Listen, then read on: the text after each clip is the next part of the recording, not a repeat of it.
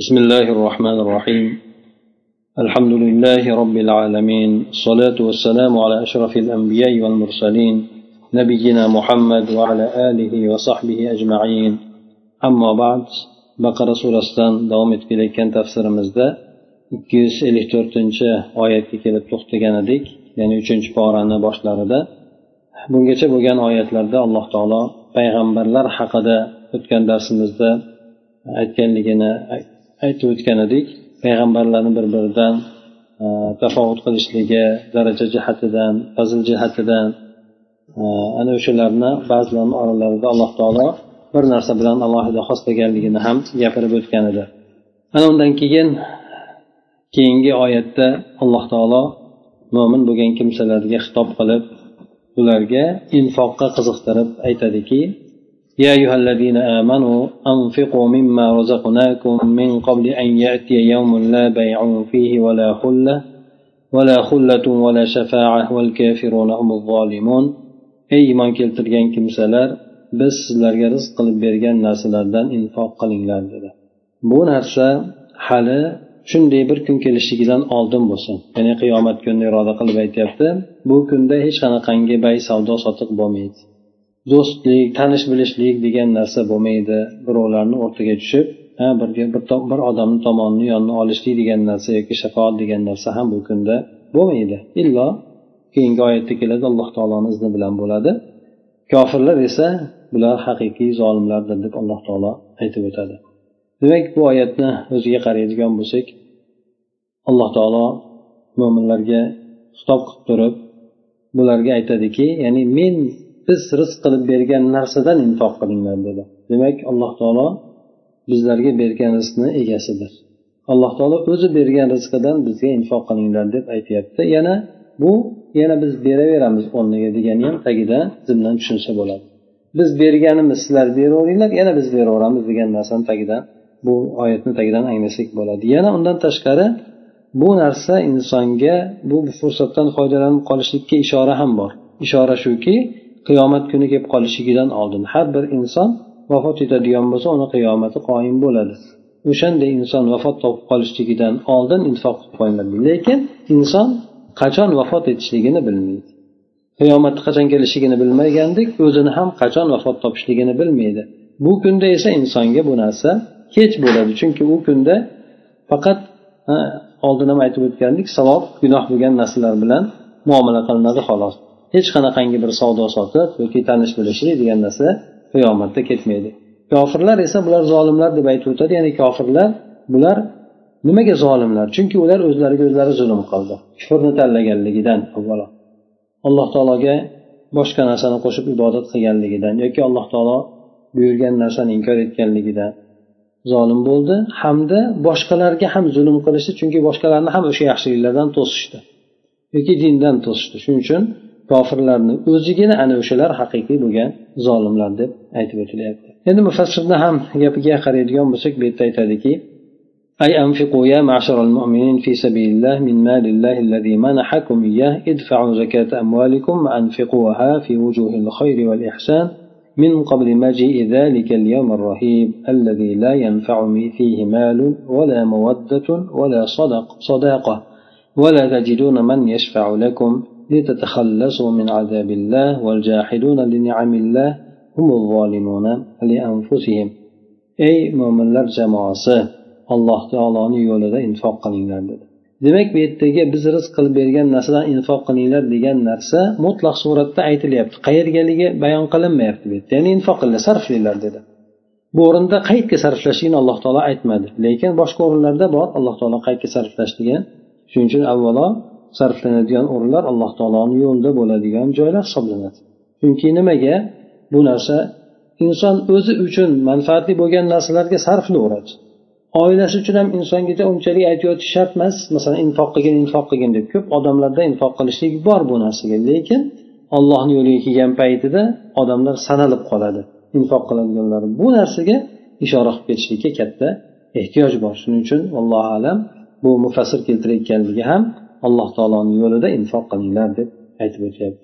Bu alloh taolo sizlarga bergan moldan infoq qilinglar. Hammasini ham emas o'sha moldan bir bo'lagini o'zinglar ko'nglar tusagan bo'lagini infoq qilinglar. Yana undan tashqari infoq qilishlikdan tashqari yana zakot mollarni zakotini ham beringlar chunki bu narsa ham mo'minlarga o'sha anfiqu degan oyatni ostiga kiradi infoq qilinglar degan oyatni ostiga. Yana o'sha mollaringlarni yaxshilik ehson bo'lgan yo'llarda infoq qilinglar. Ya'ni allohni yo'lidan tashqari yana boshqa o'zinglar kerak bo'lgan zimmilarda bo'lgan vazifalarni bajarishlik uchun infoq qilinglar oila boqishlikmi yo boshqa masalalarda bu narsa albatta o'sha dahshatli bo'lgan qo'rqinchli bo'lgan kun kelishligidan oldin bo'lsin. Bu kunda insonga mol dunyo foyda bermaydi. Har qancha alloh taolo bergan bo'lsa shu dunyoda beradi shu dunyoda muomalada bor mol. Oxiratda esa muomalada mol degan narsa yo'q. Shuning uchun bu o'z öz o'zidan ya'ni saqlashlikni foydasi yo'q ekanligiga bu ishoradir. Yana shuningdek mavodda ya'ni do'stlik ham yoki bir biriga muhabbatli bo'lishlik ham bu yerda hech qanaqangi foyda bermaydi. Birov birovni yaxshi ko'rgan bo'lsa bu dunyoda demak oxiratda u narsasi o'tmaydi. Yoki bo'lmasa do'stlik degan narsa ham o'tmaydi. Kimdir kimni yaqin do'sti bo'lgan bo'lsa oxiratda meni do'stim edi deb yordam berolmay qoladi. Balki yordam berishlikni istamay ham qoladi. Ana o'shandek yana sizlar o'zinglarga shafoat qiladigan shafoat qiladigan tarafinglarni oladigan odamni ham topolmaysizlar. Nimadan? Alloh taoloni azobidan qutulishlik uchun. Alloh taoloni azobi kelib qolgan paytida hamma o'zini o'zi tortib qoladi. O'zini o'zi bilan ovora bo'lib qoladi. Endi alloh taoloni shuncha bergan ne'matlarini inkor etuvchilar ular o'zlariga zulm qilgan kimsalar deb bu kishi o'sha zulm degan oyatda kelgan so'zni muayyan bir nimaga xoslab turib aytib qo'yyapti bu kishi. Ya'ni inson o'ziga o'zi zulm qilgan odamni keltirib qo'ydi xolos. Ana undan keyin e, boshqa bir oyat kalimaga alloh taolo o'tadiki bu oyatal kursi allohu la ilaha illa huval hayyul qayyum deb bu oyat boshlanadi. Nima uchun oyatal kursiy deb nomlangan bu oyat? Chunki bunda alloh taoloni kursisi haqida xabar beriladi biroz. Kursi haqida xabar berilganligi uchun shu oyatal kursi deyiladi bu qur'ondagi eng buyuk oyat hisoblanadi. Buni rivoyati abu munzir ya'ni ubay ibn kab roziyallohu anhuni qilgan rivoyatida keladi. Payg'ambar alayhissalom so'ragan paytlarida u kishi bir marta ikki marta so'raydi keyin shu oyatal kursi deb aytganlarida ilm muborak bo'lsin deb payg'ambar alayhisalom shuni ko'kraklariga tegib qo'yadilar. Ya'ni qur'ondagi eng buyuk bo'lgan oyat qaysi deb so'raganlar shu oyatal kursi bilan buyuk oyat deb aytiladi. Nima uchun oyatal kursini qur'ondagi eng buyuk oyat deb aytiladigan bo'lsa alloh taoloni xolis sifatlari to'g'risida keladi. Bo'lib ham bo'lib ham boshqa oyatlardan ko'ra kengroq alloh taoloni tavsiflab keladi sifatlab berib keladi. Ana undan tashqari yana boshqa rivoyatlarda ham keladi. Imom abu dovud termiziy rivoyat qilgan hadislarda o'sha alloh taoloni ismul azom deb aytiladi. Buyuk bo'lgan ismiki u bilan duo qilinadigan bo'lsa ijobat qilinadi. O'sha ismlari alloh taolo mana shu oyat kalimada mavjuddir. Payg'ambar sallallohu alayhi vasallamdan hadisda keladi. Ya'ni baqara surasi bilan oli imron surasida borligi yana boshqa bir rivoyat esa toha surasida ham borligi aytiladi. Bu yerda o'sha payg'ambar sallallohu alayhi vasallamdan kelgan rivoyatda allohu la ilaha illa huval hayyul qayyum shu alloh taoloni ismi azamlaridan deb aytiladi. Bu yerda asosan al hay ay qayyum ismlari alloh taoloni buyuk ismlari ekanki buni aytib inson duo qiladigan bo'lsa inshaalloh ijobat qilinadi insonni duosi ana endi bu oyatni tafsiriga kirishadigan bo'lsak allohu la ilaha illa huval hayyul qayyum. أي الله جل ثناؤه هو المستحق للعبادة لا معبود بحق سواه هو واحد أحد فرد صمد الحي الباقي الدائم الذي لا يفنى ولا يموت القيوم أي القائم على تدبير شؤون العباد avvalo alloh taolo o'zini yakka yolg'iz iloh ma'bud ekanligiga keltirilgan kalima shahodat bilan bu oyatni boshlayapti. Alloh taolo shunday zotki u zotdan boshqa iloh yo'qdir. Bu alloh taolo ham barhayot bo'lgan bandalarni ustidan boshqarib turuvchi bo'lgan zotdir dedi. Mufassir aytadiki demak alloh taolo jalla sanauhu alloh taoloni maqtovi juda judayam ulug' bo'lgan zot bu zot yolg'iz o'zigina ibodatga haqli bo'lgan zot ya'ni ibodat qilinishlikka haqli bo'lgan zot alloh taolodan boshqa haq bilan ibodat qilinadigan kimsa yoki zot yo'qdir. Ibodat qilinadigan narsalar ko'p yer yuzida. Odamlar xohlagan narsasiga ibodat qilishadi lekin haq bilan kelgani esa alloh taolodan boshqa yo'qdir. Alloh taolo o'zi yakka yolg'iz tengi yo'qdir. Yakka yolg'iz fardun ahad fardun demak tengi yo'q bo'lgan misli yo'q bo'lgan zotdir. Somad somadni ma'nosida har xil mufassillar ma'no aytishadi. Shulardan birisi hamma alloh taologa muhtoj bo'ladi alloh esa hech kimga muhtoj emas degan ma'noni ham berishadi yoki bo'lmasa ba'zilar o'sha alloh taoloni yolg'iz ekanligi dalolat qiladigan tengsiz yakka yolg'iz degan ma'nosini ham berishadi. Al hay al hay degani boqiy ya'ni doimo boqiy turuvchi. Alloh taolo barhayot bo'lgan zotdir. Avvali ham yo'q oxiri ham yo'q. Alloh taolo o'shanday bor bo'lgan zot o'shanday davom etadi. Bu alloh taolo fanoyi ham ya'ni foniy ham bo'lmaydi yo'q ham yo'q ham bo'lib ketmaydi vafot etmaydi ham. Al qayyum qayyum ya'ni al qoim ala tadbiri ibad bandalarni ishlarini boshqarishlikka boshqosh bo'lib turadigan zot degani. Ya'ni boshqarib turadigan zot degani.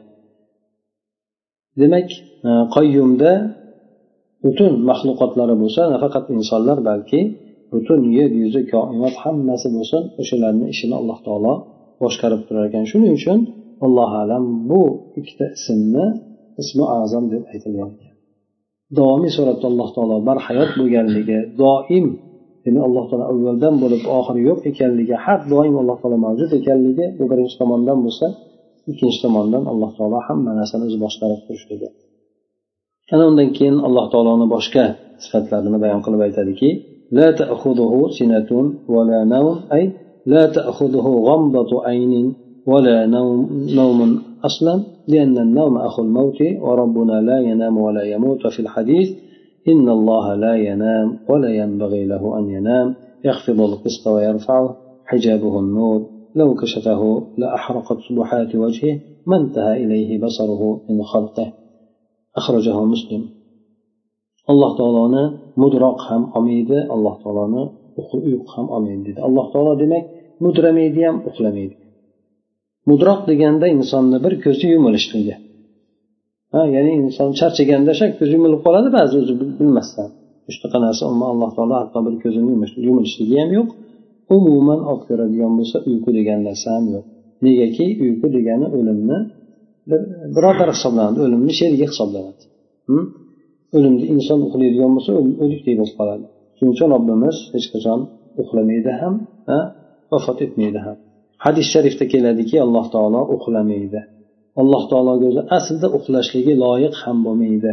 Alloh taolo adolatni tushirib ko'tarib turadi. Banda qaysi bandalarni alloh taolo pastlatib turadi darajasini qaysilarini ko'tarib turadi. Alloh taolo doimiy suratda ishda. Alloh taolo har kuni har doim alloh taoloni o'ziga yarasha ishida hijabuhu nur alloh taoloni hijobi nurdir hijobi nur degani nima degani? Alloh taolo oldida pardalar bilan to'silgan. Pardalar bilan to'silgan. Alloh taolo shunaqangi kuchli bo'lgan nur alloh taoloda borki u nurni nimasini e, bandalariga o'tishligini to'sib turadigan narsa parda bo'ladi. O'sha alloh taoloni o'zidan bo'ladigan narsa nur bilan bo'lgan pardasi o'sha so'z turadiki agar u pardani ko'taradigan bo'lsa alloh taolo ochadigan bo'lsa o'sha pardani ko'taradigan bo'lsa nurdan bo'lgan pardasini bu alloh taoloni yuzidagi bo'lgan nuri alloh taoloni ko'zi yetib boradigan joygacha bo'lgan maxluqotlarini hammasini kuydirib tashlaydi dedi demak alloh taoloni ko'rishlikka hech kimni toqati yetmaydi. Hatto farishta bo'lsin hatto oddiy bo'lgan maxluqotlar bo'lsin jonsiz bo'lgan maxluqotlar bo'lsin hech qaysi birini alloh taoloni hatto ko'rishlikka toqati yetmaydi. Shuning uchun muso alayhissalom alloh taolodan ko'rinishligini so'ragan paytda ko'rolmaysiz dedi. Keyin aytdiki agar tog'ni qarang agar o'rnida turolmaydigan bo'lsa ha siz ko'rolmaysiz deydi tog' alloh taolo bir jamolini tashlagan paytida tog' parcha parcha bo'lib ketdi. Ha bundan demak alloh nafaqat ya'ni jonli bo'lgan maxluqotlari balki jonsiz bo'lgan maxluqotlari ham alloh taoloni ko'rishlikka toqat qilolmas ekan lekin qiyomat kunida ya'ni jannatda alloh taolo insonlarga toqat beradi ha hamma jannatga kirgan kimsalar alloh taoloni e, ko'rishadi o'zlarini ko'zlari bilan ko'rishadi alloh taolo shunga insonlarga imkoniyatni beradi buni imom muslim rivoyat qilgan ekan yuqoridagi bo'lgan hadisni الله لا إله إلا هو الحي القيوم لا تأخذه سنة ولا نوم له ما في السماوات وما في الأرض من ذا الذي يشفع عنده إلا بإذنه. أي في جميع, جميع ما في الكون ملكه.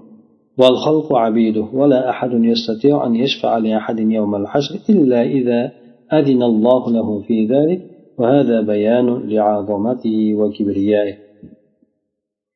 Demak yuqoridagi bo'lgan oyatda alloh taoloni yolg'iz zot ekanligini ibodatga loyiq bo'lgan zot ekanligini alloh taolo barhayot hamma bandalarni ustidan boshqa ishlarni boshqarib turuvchi zot ekanligini aytib undan keyin alloh taolodan o'z öz o'zidan boshqarib turgandan keyin boshqarishlik charchatmaydi alloh taoloni. Alloh taolo bir lahza ham bandalarini nazorat qilib boshqarib turishlikdan chalg'ib qolmaydi. Na uyqu na mudroq olmaydi dedi. Endi alloh taoloni yana boshqa bir sifatini aytib o'tyaptiki butun yer osmondagi bo'lgan narsalarni mulkiyati alloh taoloni o'zinikidir. Alloh taoloni o'ziga xosdir. Shuning uchun aytyaptiki mufassir ham koinotdagi bo'lgan hamma narsa alloh taoloni mulki. Bandalar esa butun maxluqotlar alloh taoloni bandalaridir bironta odam yana o'sha oyatni davomida bor alloh taoloni huzurida hech kim shafoat qilolmaydi hech kim birovni birov tarafini ololmaydi. Illo olloh izn beradigan bo'lsa bu narsa mumkindir.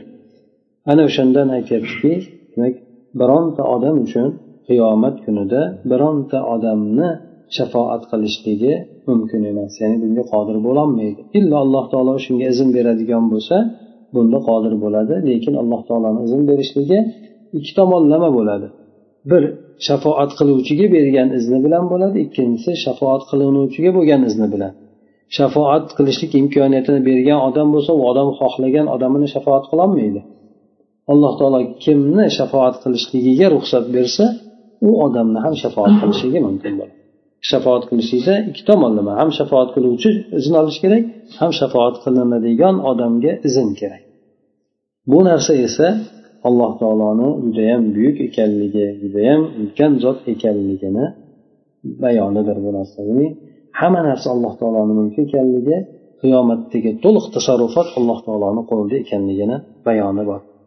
Ana undan keyin alloh taoloni boshqa bir sifati ilm sifati haqida gapirib o'tadiki ولا يحيطون بشيء من علمه إلا بما شاء. أي يعلم سبحانه ما هو مشاهد للبشر وما هو غائب عنهم من أمور الدنيا والآخرة ولا يدرك أحد من الملائكة والأنبياء وصائر الخلق من علم الله شيئا إلا ما أطلعهم, أطلعهم سبحانه عليه. Alloh taolo insonlarni butun maxluqotlarini bandalarni hammasini oldidagi bo'lgan ortidagi bo'lgan narsalarni hammasini biladi. Kelajagi bo'lsin orqa tarixlari bo'lsin ko'ringan ko'rinmagan narsalari bo'lsin hamma narsasini alloh taolo biladi. Ya'ni alloh taolo har doim demak odamlarni boshqarib turar ekan bir lahza ham alloh taolo insonlarni boshqarishlikdan xoli bo'lib qolmas ekan. Shuning uchun uxlamaydi mudroq qolmaydi dedi. Yerdagi hamma narsa alloh taoloni mulki tasarrufotini ostida yer osmondagi bo'lgan hech bir narsa undan chiqib ketmaydi. Keyin alloh taolo hammasini nima qilayotganligidan xabardor bo'lib turadi. Alloh taolo demak insonlarni butun maxluqot bandalarini oldida orqasida bo'lgan o'tmishi bo'lsin hoziri bo'lsin kelajagi bo'lsin shu narsalarni hammasini biladi. Lekin insonlar maxluqotlari alloh taoloni bilgan ilmidan biron narsani ihota qilolmaydi alloh taolo bilgan ilmidan biron narsani alloh taolo o'zi xohlaganini bersa ololmaydi ihota qilishligini anglab yetolmaydi degan. Ba'zi narsani inson anglashi mumkin lekin e, bilishi mumkin lekin anglab yetolmaydi. Uni ortida bo'layotgan narsa. Masalan koinotdagi o'zgarishlar inson bilishi mumkin lekin uni ortida qanday narsa yotganligini inson ihota qilolmaydi. Yoki bo'lmasa insonga g'oyib bo'ladigan narsalar. Bu narsalardan alloh taolo insonga berganini biladi bermaganini bilmaydi. Shuning uchun insonga alloh taolo jindekkina bir tuyni ochib bergan xolos ilmida lekin shu narsani bilgan inson tug'yonga ketib qoldi. Hamma narsani bilaman deb. Alloh subhanava taolo insonlarga ko'rinib turgan narsani ham insonlarning ko'zidan g'oyib bo'lib turgan narsalarni ham biladi. Bu narsalar dunyo ishlaridan bo'lsin yoki bo'lmasa oxirat ishlaridan bo'lsin hammasi alloh taologa ma'lumdir. Birontasi na farishta bo'lsin na payg'ambar bo'lsin na boshqa insonlar bo'lsin alloh taoloni ilmidan biron narsani bilmaydi. Anglab yetmaydi. Illo alloh taolo o'zi nima narsani bildirgan bo'lsa biladi judayam judayam oz bo'lgan narsa. Shuning uchun insonlarga judayam judayam oz ilm berilgan alloh taoloni undan judayam judayam oz ilm berilgan ya'ni bo'lib ham insonlarni o'zini hayotiga aloqador bo'lgan kichkina bir doirada insonlarga narsa berilgan xolos. Ya'ni bu olamdan tashqari bo'lgan olam yoki bo'lmasa aytaylik insonlarni olamidan boshqa bir olamlar masalan jin olam bo'lsin farishtalar olam bo'lsin kelajak nimasi bo'lsin o'tmish bo'lsin bu narsalarda insonlarga judayam judayam ozgina bo'lgan narsa berilgan xolos. Demak alloh taolo mutlaq boshqaruv egasi butun mulkiyat hammasi alloh taoloniki. Alloh taolo shuncha mulkiyati bo'lib boshqarib turgandan keyin hamma narsadan alloh taolo xabardordir. Endi alloh taoloni o'zi qanday buyuk zot ekanligi haqida gapiradi. Qanchalar darajada buyuk ekanligini bir tasavvur qilishlik uchun aytadi.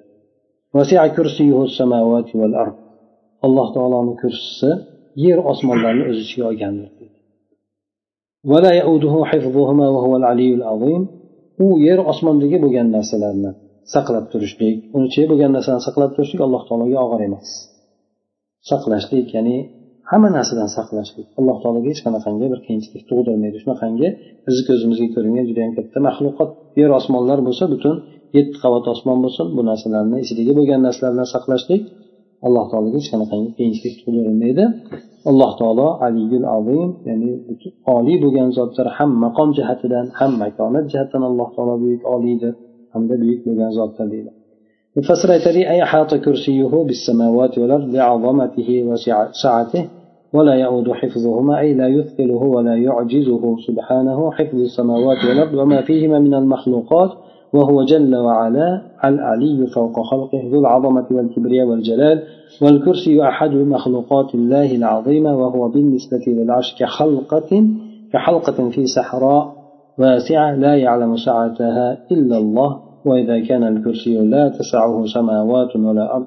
فكيف بالعرش العظيم الذي أحاط بالكرسي وبالسماوات والأرض؟ واعتقاد بعض الجهلة أن الله داخل السماء خطأ فاحش فالله تعالى مستو على عرشه كما أخبر والعرش محيط بالجميع أحاط بالكرسي وبالسماوات والأرض ولا يعلم سعة العرش وعظمته إلا الله رب العالمين. فافهم ذلك هداك الله. Mufassir aytadiki demak alloh taoloni kursisi butun yer osmonlarni hammasini o'zi ihota qilib turadi ya'ni atrofdan hammasini o'rab turadi. Bu albatta buyuk bo'lganligi o'sha kursini judayam keng bo'lganligi uchundir. Ularni saqlashlik alloh taologa ya'ni yer osmonlarni saqlashlik alloh taologa og'irlik tug'dirmaydi alloh taoloni ojiz ham qilib qo'ymaydi. Undagi unardi bo'lsin ulardagi bo'lgan maxluqotlarni bo'lsin. Ya'ni yer osmonlar hammasi ichida bo'lgan maxluqotlar bilan judayam judayam ulkan hisoblanadi. Lekin bularni saqlab turishlik alloh taologa hech qanaqa qiyinchilik tug'dirmaydi. Alloh taolo butun maxluqotlarni ustidagi oliy bo'lgan zotdir. Alloh taolo buyuklik ulug'lik e, hamda judayam ulkanlik egasidir. Kursiy bu alloh taoloni buyuk maxluqotlaridan bittasi. Alloh taoloni kursi. Kursi deganda ibn abbosni rivoyatlari bor. Shu rivoyatda keladiki kursiy arshni oyoq qo'yadigan joyi deb keladi.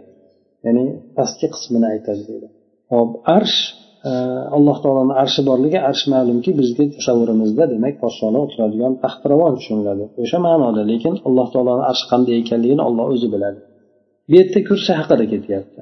Kursini aytyaptiki yer osmonlar bilan kursini taqqoslaganda hadisda keladi xuddi go'yoki mana katta sahro bo'ladigan bo'lsa keng sahroga bitta halqa tashlanadigan bo'lsa halqa sahroga nisbatan qancha hajmni egallashi mumkin? Judayam bir kichkinagina joyga egallaydi yer osmonlar kursiga nisbatan o'shandek kursini oldida yer osmonlar yetti qavat osmon hammasi bo'lsin o'shalar judayam bir kichkinagina joy narsa bo'lib qoladi. Kursini oldida. Kursi bo'lsa hadisda keladi arshga nisbatan o'shanday deydi. Judayam arsh judayam ulkan kursini oldida judayam kichkina bo'lib qoladi. Ana o'sha arsh bo'lsa alloh taoloni oldida judayam kichkinadir. Alloh taoloni inson tasavvur qilib bo'lmaydigan darajada shunday buyuk bo'lgan zot endi. Inson tasavvuridan tashqari bo'lgan buyuk bo'lgan zotdir. Ya'ni judayam keng sahrodagi xalqiga o'xshagan dedi uni kengligini olloh o'zi biladi qanchaligini dedi. Agar kursini yer osmonlar kursidan tashqari bo'lib ketmas ekan kursini kichkina bo'lar ekan kursini oldida buyuk bo'lgan arshga nisbatan qanday bo'lar ekan endi? Arsh qanchalik bo'lar ekan bu arsh kursini ham o'z ichiga oladi yer osmonlarni ham hammasini o'z ichiga oladi. Ya'ni ulardan ham ko'ra juda katta deydi. Kursidan kursidan ham katta yer osmonlarni hammasini qo'shganda ham o'sha katta bo'ladi. Ba'zi nodon bo'lgan odamlar e'tiqod qilishadiki alloh taolo osmonni ichida deb e'tiqod qiladi. Ha osmonni ichida deb. Alloh taoloni tepasida narsa bor deb tushunishadi. Bu judayam qo'pol bo'lgan xato alloh taolo arshini ustiga joylashgan arshni ustiga ko'tarilgan arshni ustiga joylashgan alloh taolo o'zi xabar bergani kabi arsh esa butun maxluqotlarni hammasini ihota qilib o'rab turadi. Kursini ham o'rab turadi yer osmonlarni ham o'rab turadi. Arshni kengligini buyukligini esa alloh taoloni o'zigina biladi xolos. Buni yaxshilab tushunib oling alloh taolo sizni hidoyat qilsin deb aytib o'tadi. Demak mana shu oyatal kursini qisqa suratdagi bo'lgan tafsiriydi oyatal kursi demak yuqorida aytib o'tganimizdek alloh taoloni bir necha tomonidan sifatini bizlarga bayon qilib beryapti alloh taoloni yolg'iz ekanligi tavhid kalima tavhidni aytib o'tyapti bizga alloh taoloni sifatlaridan ikkita eng buyuk bo'lgan sifatini bayon ismlardan eng buyuk bo'lgan ikkita ismini aytib o'tyapti. Bu ham ismi azam deb aytib o'tildi. Al hayyu al qoyyum shuning uchun ya hayyu ya qoyyum deb ko'p duoda aytiladi. Undan keyin esa alloh taolo boshqa boshqarganda hamma narsa mulkiyat alloh taoloni ekanligi yer osmondagi bo'lgan. Biz bilamiz endi yer osmondagi hammasi ichida bo'lgan. Hamma narsa alloh taoloni mulki ekan. Biron narsa alloh taoloni mulkidan tashqariga chiqib ketmas ekan undan keyin alloh taoloni ilmi haqida o'shanday katta mulkdagi bo'lgan narsani alloh taolo kichkina elementi bo'lsin kichkina maxluqot bo'lsin kattasi bo'lsin hammasini tasarrufotlarini ham boshqarib turadi. Birinchi oyatda boshida kelgan ham o'shani qanday ekanligini qanday bilib turishligini alloh taoloni bayon qilyapti buni alloh taoloni ilmi haqida ham bayon qilyapti undan keyin alloh taoloni o'zini qanday buyuk zot ekanligiga ishora bo'lyapti. Ya'ni undan kurs haqida gapirib o'tdi. Kursini o'zi yer osmonlarni dan judayam katta deydi. Kursini oldida arsh judayam judayam katta bo'ladi. Inson tasavvur qilolmaydigan darajada. Alloh taologa nisbatan arsh ham boshqasi ham hammasi kichkina maxluq hisoblanadi. Shuning uchun ali payg'ambar alayhissalom aytgan paytlarida menga arsh farishtalaridan birisi haqida arsh ko'tarib turgan farishtalar haqida sizlarga xabar qilishlikka ruxsat berildi deydi shu mazmunda aytadiki demak birisini deydi qulog'ini yumshog'idan yelkasigacha bo'lgan masofa yetti yuz ellik metr masofa deydi. Ko'tarib turgan farishtalarni bittasi haqida shunday deb aytadi. Judayam judayam tasavvur qilib bo'lmaydigan darajada ulkan bo'ladi. U qanchalik bu tomoni nimaga ega? Kattalikka ega vallohu alam. Arsh undan tashqari arshni o'zi alohida bo'ladigan bo'lsa judayam judayam go'zal bo'ladi. Shuning uchun firdavs jannatini tepasi yuqorisi arsh bo'ladi deydi. Shunaqangi go'zal bir suratda bo'ladi deydi. Ana o'shandek bu oyat al kursini qur'ondagi eng buyuk oyat deb aytilishligini sababi ham mana shu yerda alloh taolo to'g'risida bir necha tomonlama bizlarga alloh taoloni qanday zot ekanligini bayon qilib beryapti. Alloh taolo juda yaxshi qilib bizga tushuntirib beryapti. Olloh haqida aytilganligi uchun ham bu oyat boshqa oyatlardan ko'ra kengroq aytilganligi uchun ham bu oyat qur'ondagi eng buyuk oyat deb aytadi. Ba'zi oyatlar keladi alloh taoloni bir tomonlama narsasini bayon qilib o'tadi. Yaratganligi to'g'risida gapirib o'tadi. Bir tomonda ba'zi oyatlar alloh taoloni ilmi haqida gapirib o'tadi. Ba'zi oyatlar alloh taoloni buyukligi ba'zi oyatlar alloh taoloni ismlari haqida gapirib o'tadi. Mana nima surada hashr surasini oxiridagi bo'lgan oyatlar lekin bu oyat o'sha narsalarni hammasini bizga jamlab berdi shuning uchun ham alloh taoloni qur'ondagi eng buyuk oyati deb aytildi سبحانك اللهم وبحمدك نشهد ان لا اله الا انت نستغفرك ونتوب اليك اللهم انفعنا بما علمتنا وعلمنا ما ينفعنا وزدنا علما